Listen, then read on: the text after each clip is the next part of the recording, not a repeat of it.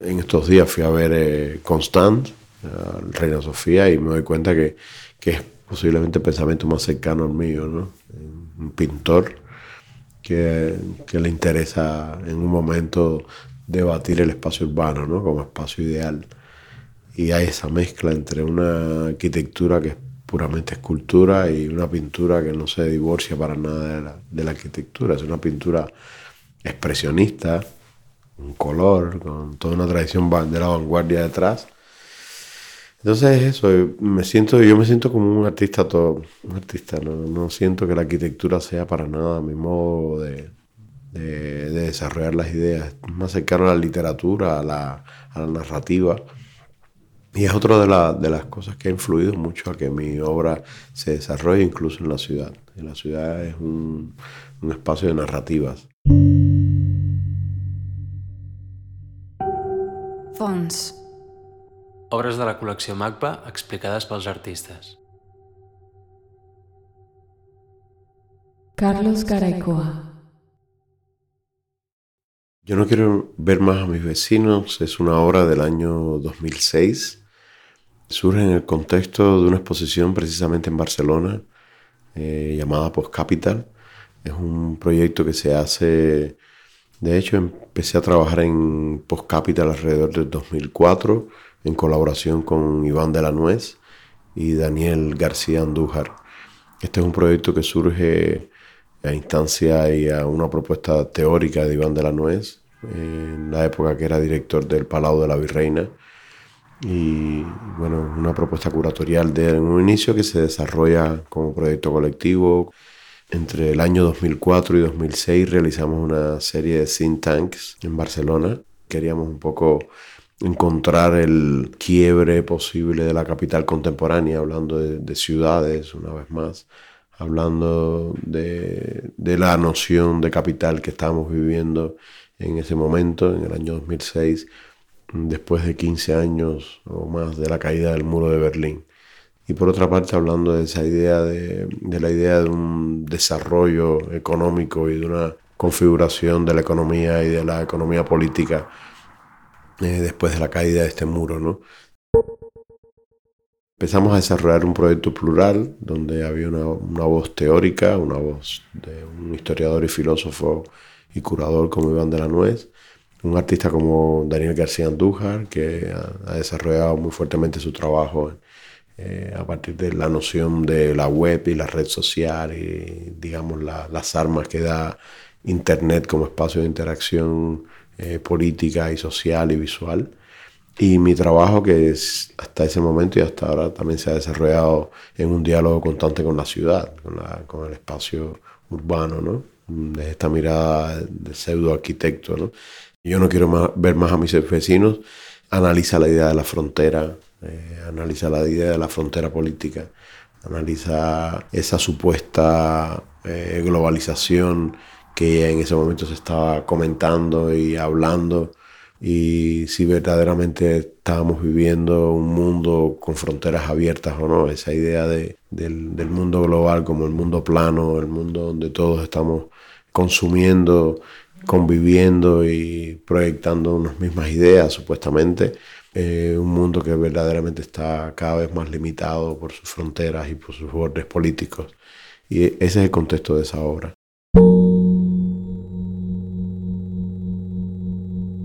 Esta es una obra que yo hago viviendo en Cuba todavía. Yo, de hecho, empecé, salí de Cuba en el año 2006, después de haber hecho la obra, la exposición de Post Capital en el Palau de la Virreina.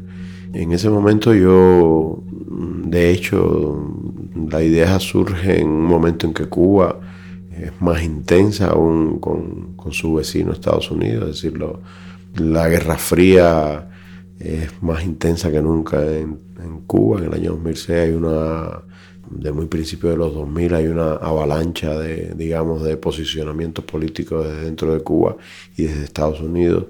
Es decir, eh, mm, no hay un acuerdo para nada entre embargos y no embargos. Es un momento donde los cubanos, los pocos que viajaban por temas culturales, etcétera, Cuba dejan de viajar a Estados Unidos después de la entrada de George Bush en el poder. Es decir, es un momento de tensiones absolutas donde no hay movimiento prácticamente entre los dos países.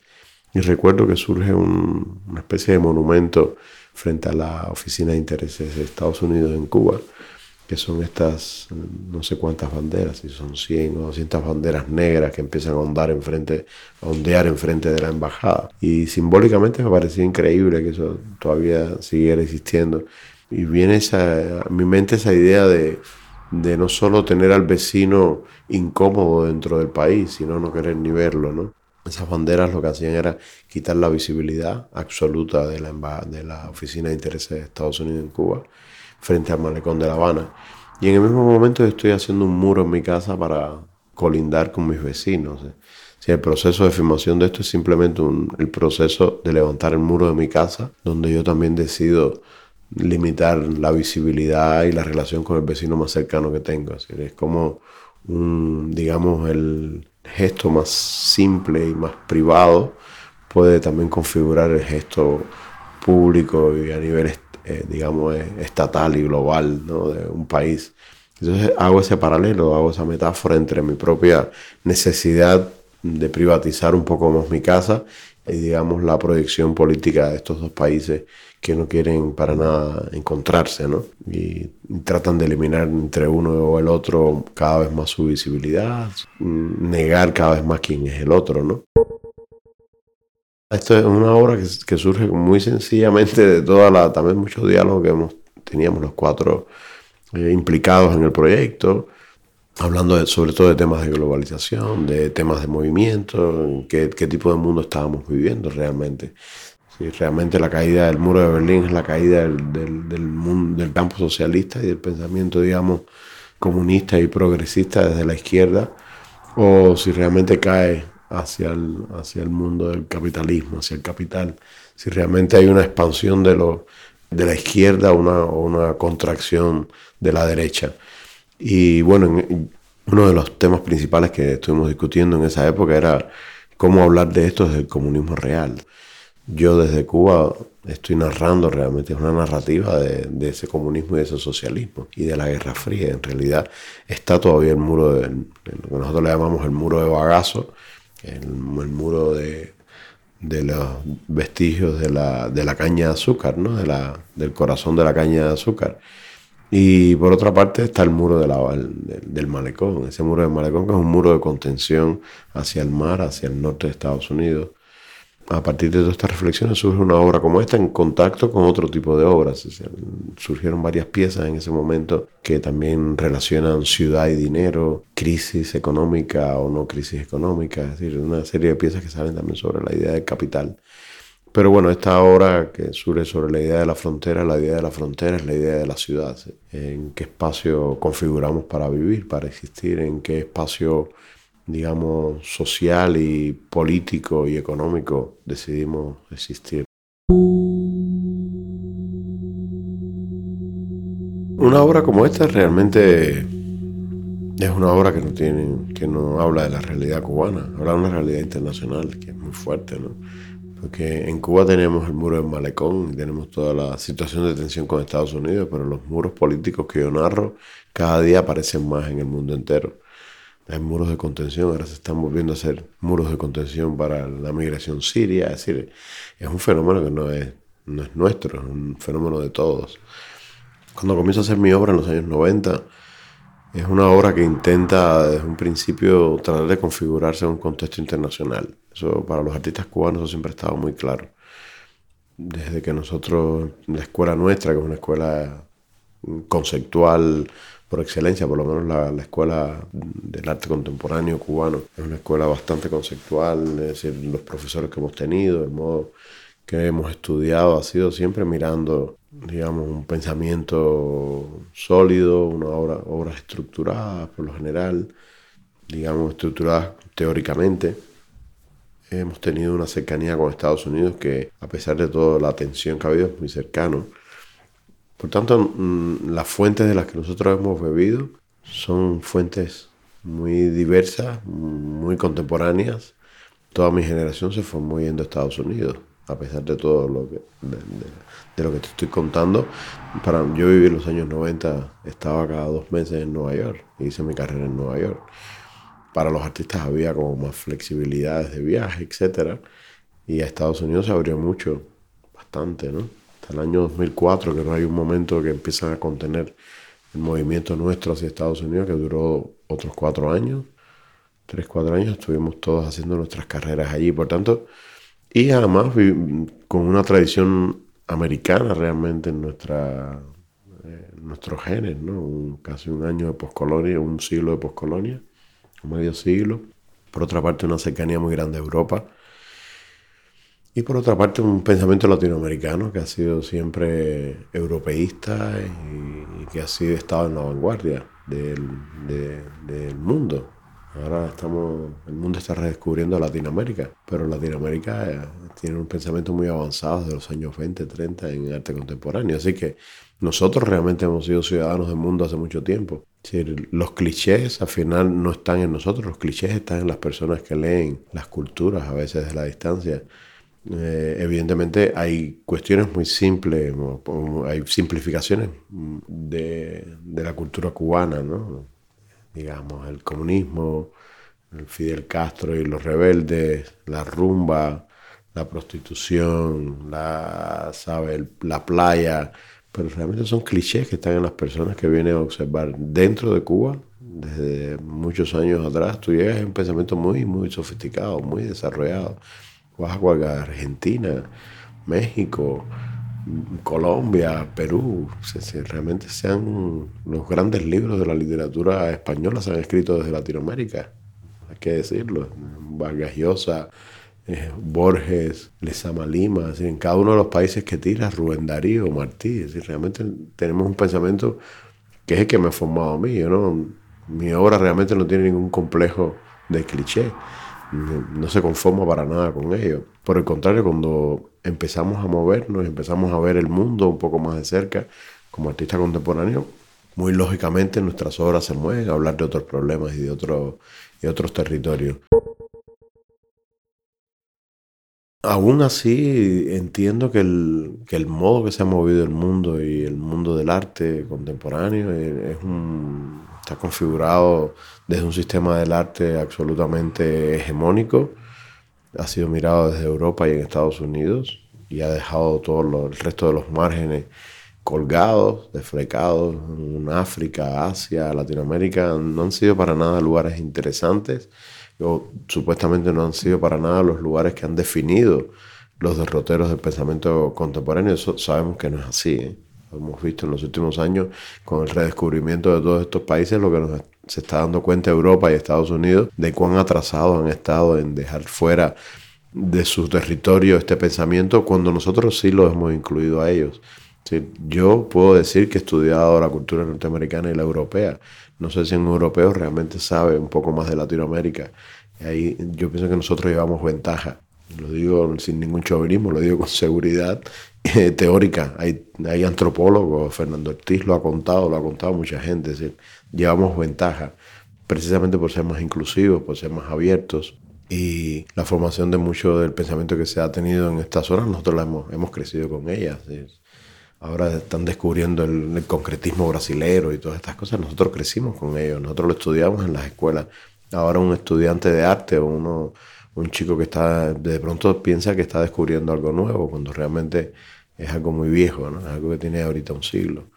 Entonces, sí, son las ventajas que puede tener a veces vivir en algunas culturas y haber realmente sido una cultura en muchos momentos sometida por, ¿sabes? Sometida por una hegemonía absoluta, por una definición de cómo deben ser los cánones que supuestamente se han vivido. Eso lo mismo está pasando con África, está pasando con Asia.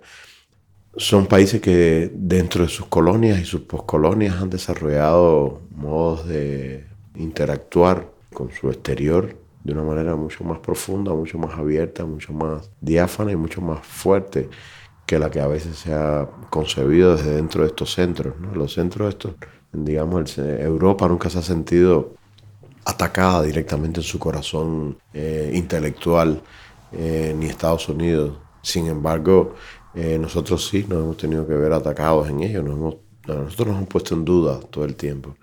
Y en esa puesta en duda nosotros hemos tenido que construir un discurso fuerte, creíble, tangible y con un peso intelectual y cultural. Y es lo que está pasando, esa es la fuerza que tiene, yo pienso, la llegada de todo este pensamiento. Es decir, si revisas lo que, lo que está pasando en el arte contemporáneo en los últimos años, posiblemente te encuentras más artistas latinoamericanos, africanos y asiáticos que nunca.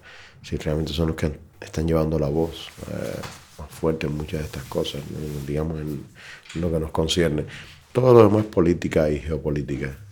Sabemos también que el, viraje que ha habido hacia Latinoamérica y hacia los países emergentes no es solamente por el arte, es por una necesidad económica de los países del centro. Es decir, Europa necesita materias primas, por tanto tiene que negociar con, con sus emergentes. ¿no? Estados Unidos también necesita lidiar con los gigantes indios y chinos, etcétera, y brasileros. Por tanto, el arte de esos lugares llega con fuerza al centro.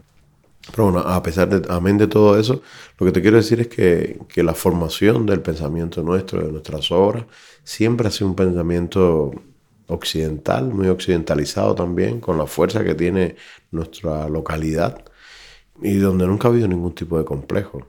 Por el contrario, lo que ha habido es una necesidad de plantearse, de planteárselo y plantearse uno y, plantarse en el centro de la discusión y, ganar un espacio dentro de ello.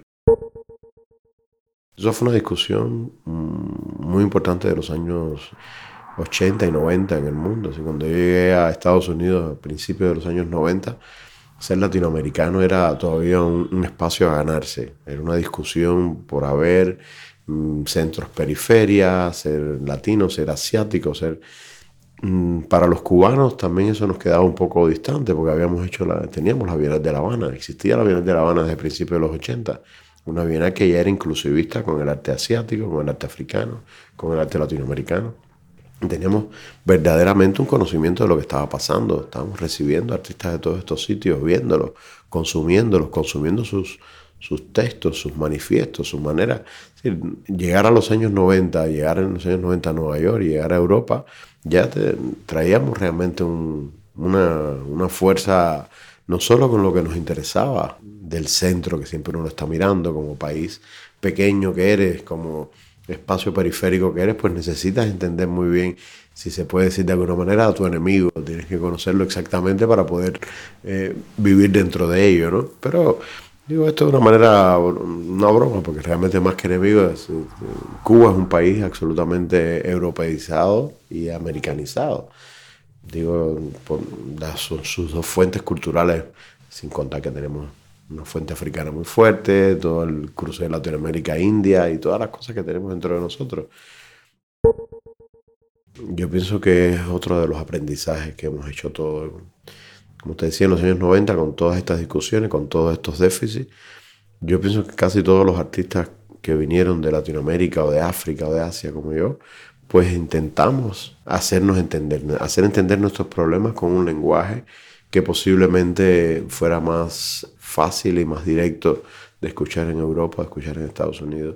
Con esas premisas, digamos que siempre, por lo menos yo que hablo de una localidad, que intento narrar también una situación cubana, sin ningún complejo, ¿no? una cuestión que me sigue interesando, también he tratado de narrar mi experiencia internacional.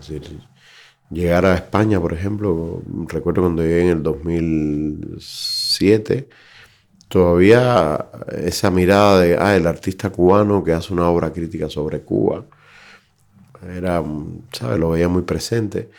Luego llegó el 2008, llegó la gran crisis. Del 2008 para acá todo el mundo lee a Marx, todo el mundo entiende que, que hay que hacer arte político.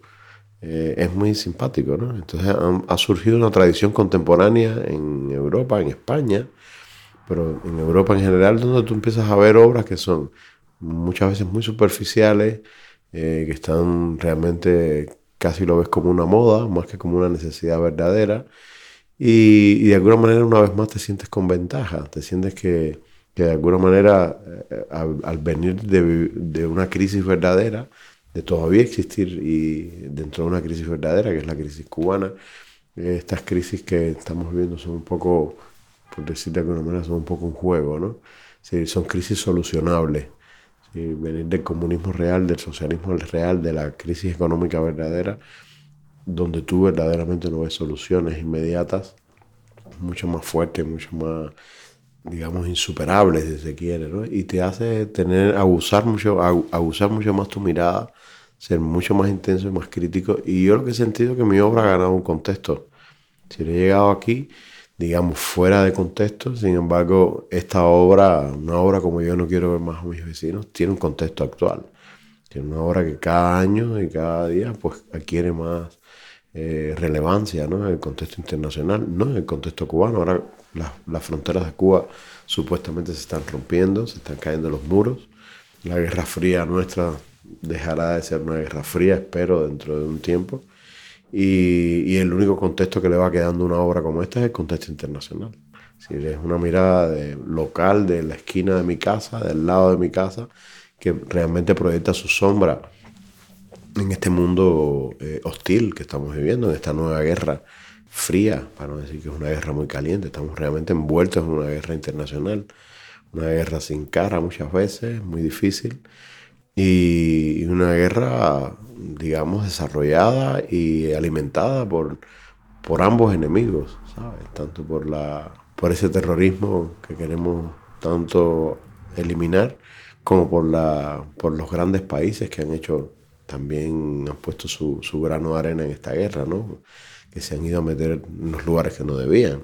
Entonces, el contexto internacional, como te decía, tiene, le da más contexto a mi obra hoy día. Y son obras que han surgido dentro de La Habana, con una mirada hacia el mundo, evidentemente. Y tal vez, porque yo pienso que lo que, lo que realmente hace posiblemente interesante una obra es que, aunque sea un territorio pequeño, aunque sea una cuestión muy local lo que esté tratando, esté de alguna manera debatiendo temas esenciales para, para cada uno de nosotros. De eso se trata ser artista contemporáneo, ¿no? hacer arte en una sociedad. Ahora va a ser... Yo en estos momentos estoy muy interesado en cuestiones que veo alrededor mío. En Madrid llevo ya casi ocho años. El año pasado me hice una, una exposición, dos exposiciones grandes acá entre la Botín y el Centro 2 de Mayo. Y hay muchas de esas obras que tratan de, de discurrir sobre la situación española, sobre la situación europea. Y espero que suceda lo mismo con ellas, que sean obras que a pesar de estar hablando de, de aquí, de Malasaña, de, la esquina mía en Malasaña, de mi casa, hay unas obras que narran en una esquina como esa, porque pues tengan la capacidad de, de, discutir cuestiones mucho más amplias. Yo creo que lo que nos sucede a cada uno de nosotros, en nuestra casa, en nuestra vida, son precisamente las cuestiones que están sucediendo a cada una de las personas en este mundo. Las preocupaciones nuestras ahora, hoy día, aquí en Madrid, son las mismas preocupaciones que tiene un chino.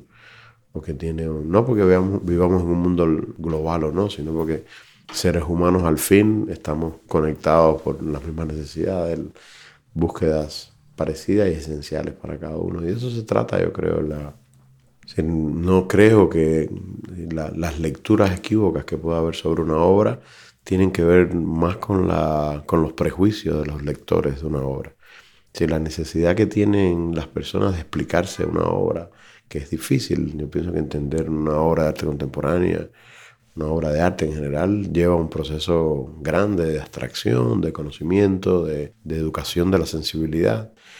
E incluso las personas que están educados también tienen esa dificultad. Y la manera más fácil a veces de, lograr eh, entenderlo es, mm, digamos, colocando a los, a los, artistas en un territorio específico.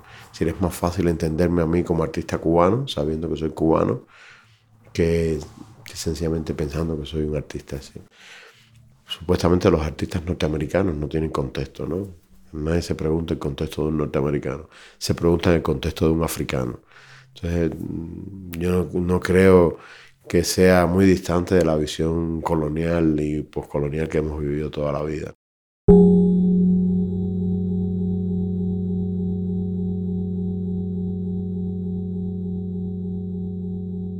Soy autodidacta y cuando entro a estudiar arte ya entro como pintor a la escuela, al Instituto Superior de Artes de Cuba.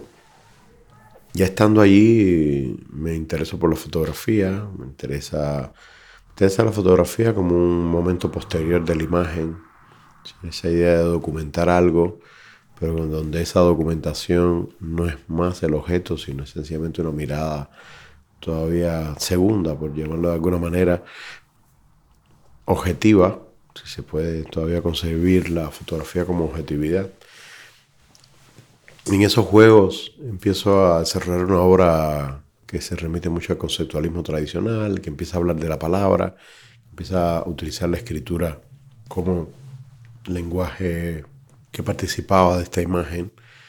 Y es así como surge mi primer acercamiento a la ciudad. Surge intentando crear espacios públicos donde la interacción con el objeto artístico dejara de ser una interacción con el objeto artístico, sino fuera una interacción con un espacio de pensamiento más anónimo, donde me interesaba ese mundo relacional del, de la imagen artística, digamos, de la escritura. Y a partir de ahí empecé a hacer objetos, a intervenir en pequeñas esquinas, a crear pequeñas intervenciones, pero que realmente estaban destinados a crear un diálogo con el entorno urbano, ¿no?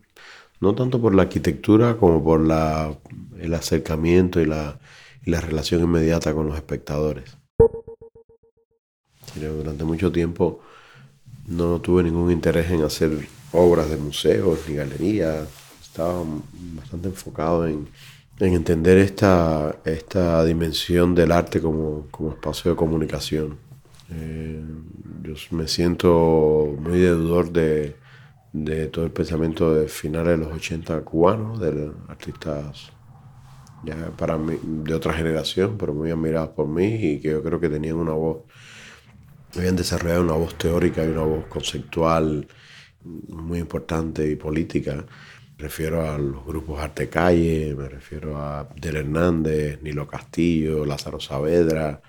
hay un grupo de jóvenes que en Cuba a finales de los 80 comienzan a hacer un arte relacional de, mucho, de mucha fuerza, donde existía en el mundo el happening, el performance y todas estas situaciones urbanas como arte en Cuba pasó a ser un modo realmente de comunicar y establecer otra, otro sentido al arte más en, el espacio político, en el espacio social, entendiendo que en finales de los años 80 y principios de los 90 Cuba no tenía para nada una proyección hacia el mercado, esto no era importante para nosotros. No hay ninguna transacción económica, no hay interés cero interés de museos y galerías para ir a comprar nada a Cuba. después de los años 93, 94, Cuba comienza a tener una presencia internacional de mercado. Y yo pienso que es cuando entra esta discusión en Cuba. Si en los años 80 y los años de primera formación mía, eh, son realmente años de pensamiento puro y duro, donde lo que hemos, por lo menos lo que a mí me interesaba era construir un, una metodología de trabajo, un método de entendimiento de la imagen. Y eso se desarrolla a través de la fotografía, se, desarrolla a través de la fotografía urbana.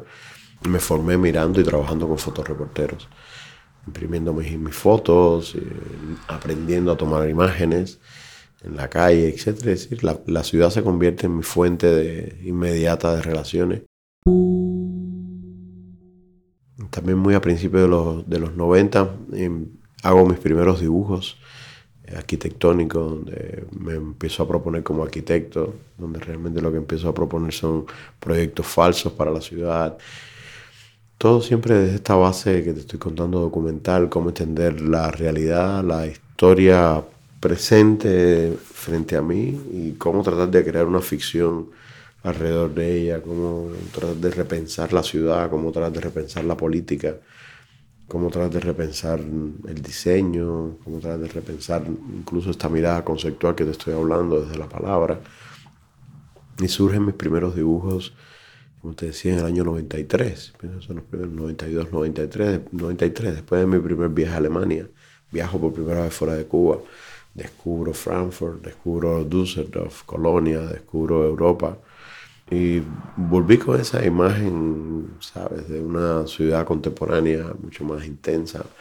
Y llego a La Habana nuevamente, esta Habana sufrida, eh, vilipendiada por el paso del tiempo, por el no mantenimiento, con todas las contradicciones políticas que estábamos viviendo, con toda la demagogia que, que se vive dentro de, de, un sistema socialista y comunista, ¿no?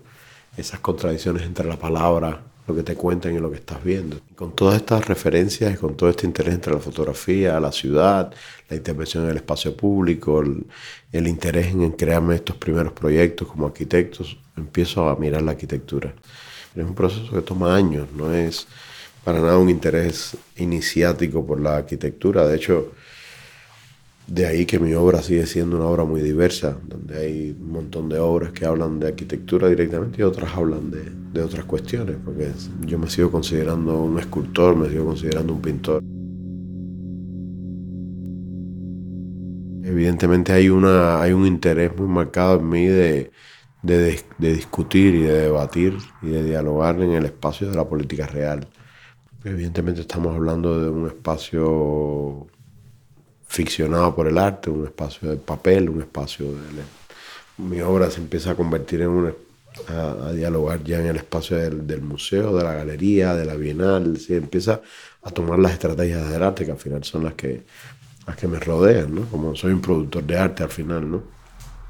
Y abandono un poco esa mirada urbana que tenía tan radical, y, pero bueno, digo de intervención directamente en la ciudad y empiezo a hacer una obra más concentrada en, en representarlas. empiezo a desarrollar mi lenguaje. Sí, toma todos esos años realmente darme cuenta, hasta el año 2002 por lo menos, donde mi trabajo realmente no se acerca a la arquitectura real, cuando por primera vez incorporo arquitectos a mi equipo. ¿qué, puede, ¿Qué puedo yo aportarle a ese lenguaje de la arquitectura desde desde el lenguaje del arte, desde el lenguaje de la escultura? Es, lo que estoy, donde estoy parado hoy, donde me siento con la libertad de, poder hacer un, trabajo muy cercano a la arquitectura o hacer un, trabajo muy cercano a la escultura o ponerme a hacer un vídeo. Evidentemente utilizando siempre ese leitmotiv o, muchas veces ese leitmotiv de la ciudad como, como paisaje de fondos. Sí, la, la ciudad como espacio digamos, de fácil interacción entre las personas, como teatro de operaciones sencillo para que, para que todos logren entender algo que nos es común a todos, que nos es cercano. Y el Open Studio es parte de esa metodología, es, mi pensamiento en estas curadorías, son unas curadorías que hago una vez al año, máximo dos veces, no tengo tiempo para más.